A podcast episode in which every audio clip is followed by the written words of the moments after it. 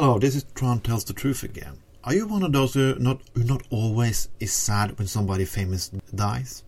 Well, that was the feeling I had this Saturday when Antonin Scalia died, judge for the Supreme Court here in the United States. I took a little laugh, but I didn't laugh that much because, you know, he has friends, he has family, and he has followers who like him.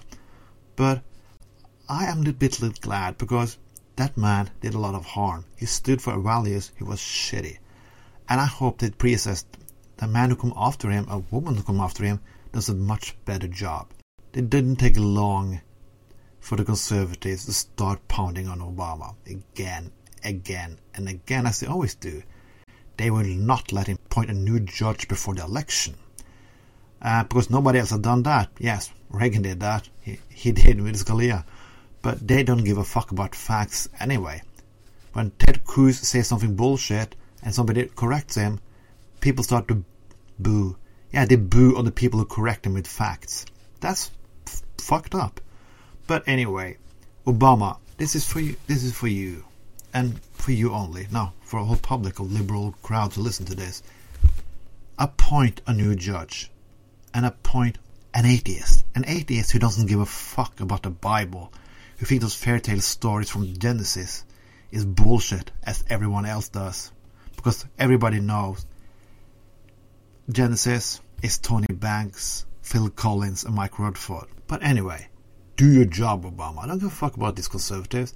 And this must really be a warning to all your liberals out there. If you don't think, if you think only voting for a president is is important now, you must think again. You must you must vote for a new Senate, a new Congress, with liberals, radicals, assholes, atheists, fuck ups who like to drink, smoke, and fuck.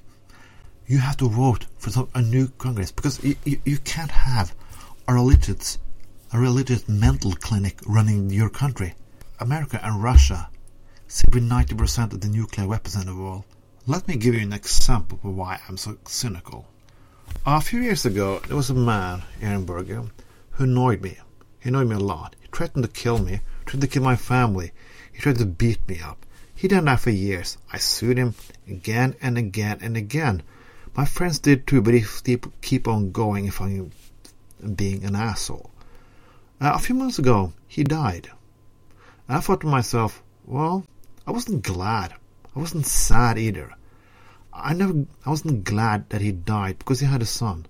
But if I thought about it, I think that the world was much better without him in it. And that's what I also think of Scalia. So, if you don't like that, think cynical, well, send me your angry emails. This is Trond Tells the Truth. Have a nice evening, and I see you next week.